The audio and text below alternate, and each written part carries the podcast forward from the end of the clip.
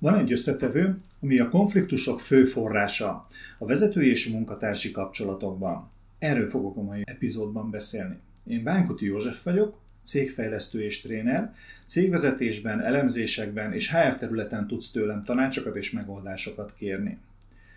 A mai epizód egy olyan összetevőről fog szólni, amit ha elmondok, mindenki azt mondja, hogy persze, ismerem. De ha megkérdezem, hogy gyakorlatban is alkalmazod, akkor kicsit bizonytalanabbak a válaszok. Ha most azt gondolod, hogy ja, hát ezt tudom, kérlek, akkor is hallgass végig, mert lehet, hogy úgy gondolod, tudod, de az alkalmazását a gyakorlatban vajon érted is? Ha a cégedben fix fizetések is vannak, akkor garantáltan nem alkalmazod ezt az elvet. Mit jelent a csere? Adok valamit, és kapok valamit. Ez így van. Szinte mindenki megvonja a vállát, mindenki azt mondja, hogy ezt tudom, erről minek beszélni. Azért, mert gyerekként tudjuk és alkalmazzuk, felnőttként pedig sajnos kevesen gyakorolják ezt az elvet és ennek a betartását. De nézzük a gyerekeket. Alapból bennük van azt mondja, én is akarom, hadd segítsek a mosogatásban, hadd segítsek a pakolásban, hadd segítsek a takarításban, hadd segítsek a lapátolásban, a bevásárlásban, a hajtogatásban, és sorolhatnám. A sütésben is szeretnének segíteni. És mit mond erre a szülő? Jaj, te úgyse tudod, nem kell köszönöm, majd én megcsinálom. Nem kell, mert összekoszolod magad. Persze, a múltkor is segítettél, és az egész konyha lisztes lett, és még a ruhádat is moshattam ki. Szó se lehet róla. Pedig a kisgyerek csak hozzá akar járulni a dolgokhoz. Szeretne cserét adni, szeretne részese lenni a csapatnak, részese lenni a folyamatoknak. Nem tudatosan, hanem alapból. És ezt most időzőjelesen mondom, belénk van kódolva a segítség és a csere. És amikor a kisgyereket elküldjük, nem engedjük a segítséget, egy kicsit ez a két tulajdonság, a segíteni akarás és a csere, ez csökkenni fog. És amikor felnő, akkor a szülő panaszkodik. Semmiben nem akar segíteni nekem, elvárja, hogy minden, mindent én adjak neki. De ennek az oka 15-20 évvel régebbi elutasítások miatt van. És hogy jön ez ide? Hogy jön ide a vezetéshez és a munkatársakhoz? Hát igazából két része van.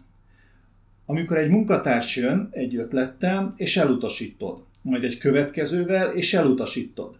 Felülbírálod, sőt, nem is engeded, hogy döntsön bármiben is, akkor majd vajon miért várod el, hogy később döntéseket hozzon? Miért várod el, hogy ne neked kelljen mindent kitalálni? De nézzük a cseréket, mert én azt hiszem, hogy ez az első lépése a felelősségvállalásnak. A cseréről azt mondtam az elején, hogy adok valamit és kapok valamit. Ezt az elvet kellene összehangolni a két fél között. Mit adok és mit kapok. Erről szólnak a dolgok, erről szól ez a történet. Három alapcsere helyzetet szeretnék elmondani. Az első, amikor adok valamit, és semmit, de semmit nem kapok érte.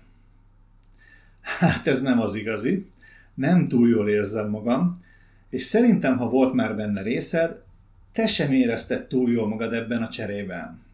Például, amikor hazaérsz, és feltörték, kirabolták a lakásodat, elvitték a kedvenc tévédet, elvitték a laptopodat, megtalálták a, rejt, megtalálták a rejtett tartalékpénzedet. Hát elég ritkán hagynak ott ellenértéket ezért. Vagy például, amikor fizettél egy munkáért, és aztán nem végezték el, vagy fizettél egy nyaralásért, és közben az utazási iroda bezárt, és futhatsz a pénzed után. Vagy előre fizettél az interneten egy termékért, ami csak nem akart megérkezni. Ez mind a cserékkel kapcsolatos. Illetve itt ugye nem jött létre a csere, mert te adtál, de nem kaptál visszafelé semmit. A rablásról vagy a becsapásról beszélünk. Ezt játszák a bűnözők. Ez az első csere, amikor az, de nem kapsz. A második eset, amikor kevesebbet kapsz, mint amit vártál.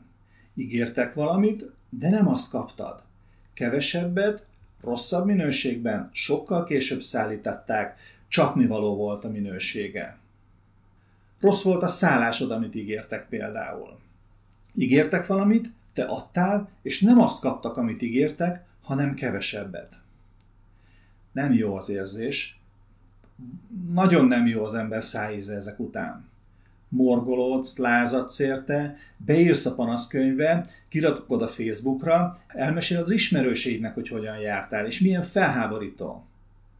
Amikor nem jól vannak összehangolva a vezető és a munkatársak között, a mit adok és mit kapok pontok, akkor pontosan ez következik be. Egyik, vagy a másik fél, vagy mind a két fél elégedetlen egymással. Mert úgy érzik, hogy nem kapták meg azt, ami neki járna. Mindkét fél úgy gondolja, hogy nekem van igazam.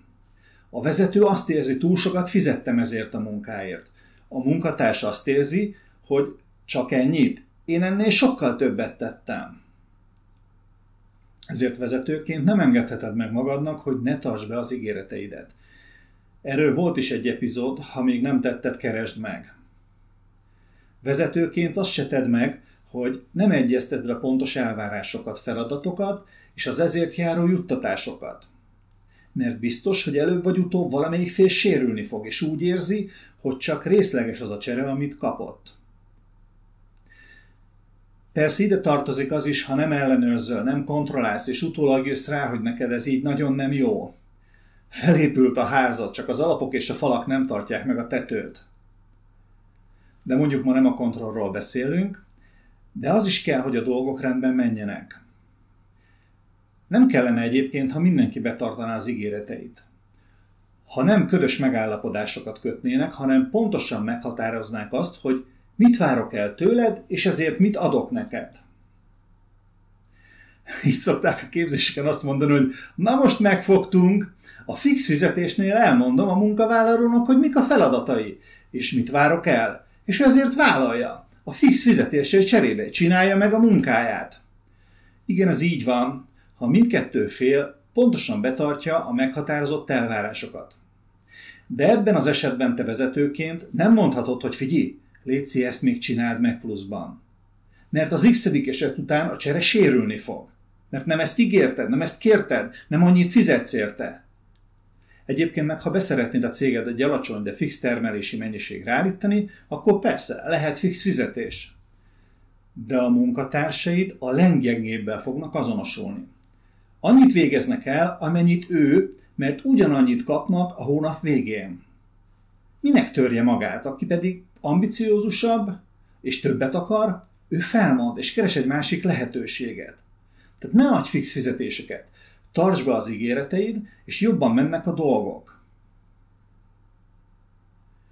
De eddig csak kettő cseréről beszéltünk, és most jön a harmadik. Megállapodtok, elvárod, hogy megcsinálják, megcsinálják, és azt adod, amit ígértek. Mindenki boldog, mindenki jól érzi magát. Ahhoz, hogy ez így megvalósuljon, mivel kellene mindenkinek tisztába lenni. Egy munkavállalónak azzal, hogy nem a személye, hanem az általa elvégzett munkák mennyisége és minős, minősége jogosítja fel arra, hogy ezért fizetést kapjon. Egy vezetőnek pedig azzal, hogy tiszta helyzetet kell teremtenie. Az elvárások pontos meghatározásával és az elvégzett munkák juttatásával és amikor megtörténik a jó munka, akkor kifizeti azt, amit ígért. Mit szoktam én tenni? Az onboarding, vagy jobban szeretem magyarosan, belépőképzés fontos eleme a szabályok tisztázása. De tovább megyek, én minden esetben megbeszélem a cserék fogalmát is. És hogy miért? Azok nagyon egyszerű. A tanítás egyik alaptézise, hogy soha nem feltételezzük, hogy tudja. Megnézzük, hogy valóban így van-e. Ha igen, gyorsabban haladunk. Ha nem, akkor eljuttatjuk a témakör megértéséhez, hogy tudja, miről beszélünk, tudja, mit akarunk tőle. Tehát ebben már tényleg nem megyek bele, mert az oktatási rendszer felépítésének a témaköre. Amiről ma szó volt, az a három csere. Ebből a harmadik az, amit alkalmaznod kell. Meghatározni a pontos elvárásokat, az ezért adott juttatásokat, és azt korrekten betartani, betartatni. A munkatársaiddal is megértetni, hogy nem azért jár a fizetés, mert bejött a céghez, hanem azért, mert elvégezte a munkáját jó minőségben. És még egy gondolat eszembe jutott a cserékkel kapcsolatban.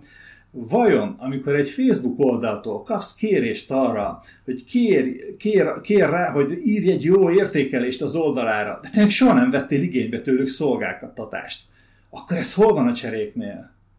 És ha leírod mégis, és a véleményed alapján vásárolnak, akkor vajon ez nem becsapás? Becsapása azokról, akik elhiszik, amit írtál?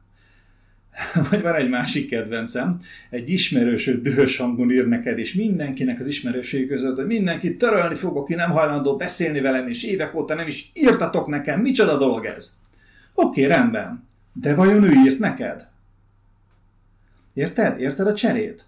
Adj, hogy kaphass, de ne várd el, hogy csak kap, mert akkor az első cserébe fogsz kerülni a környezeteddel.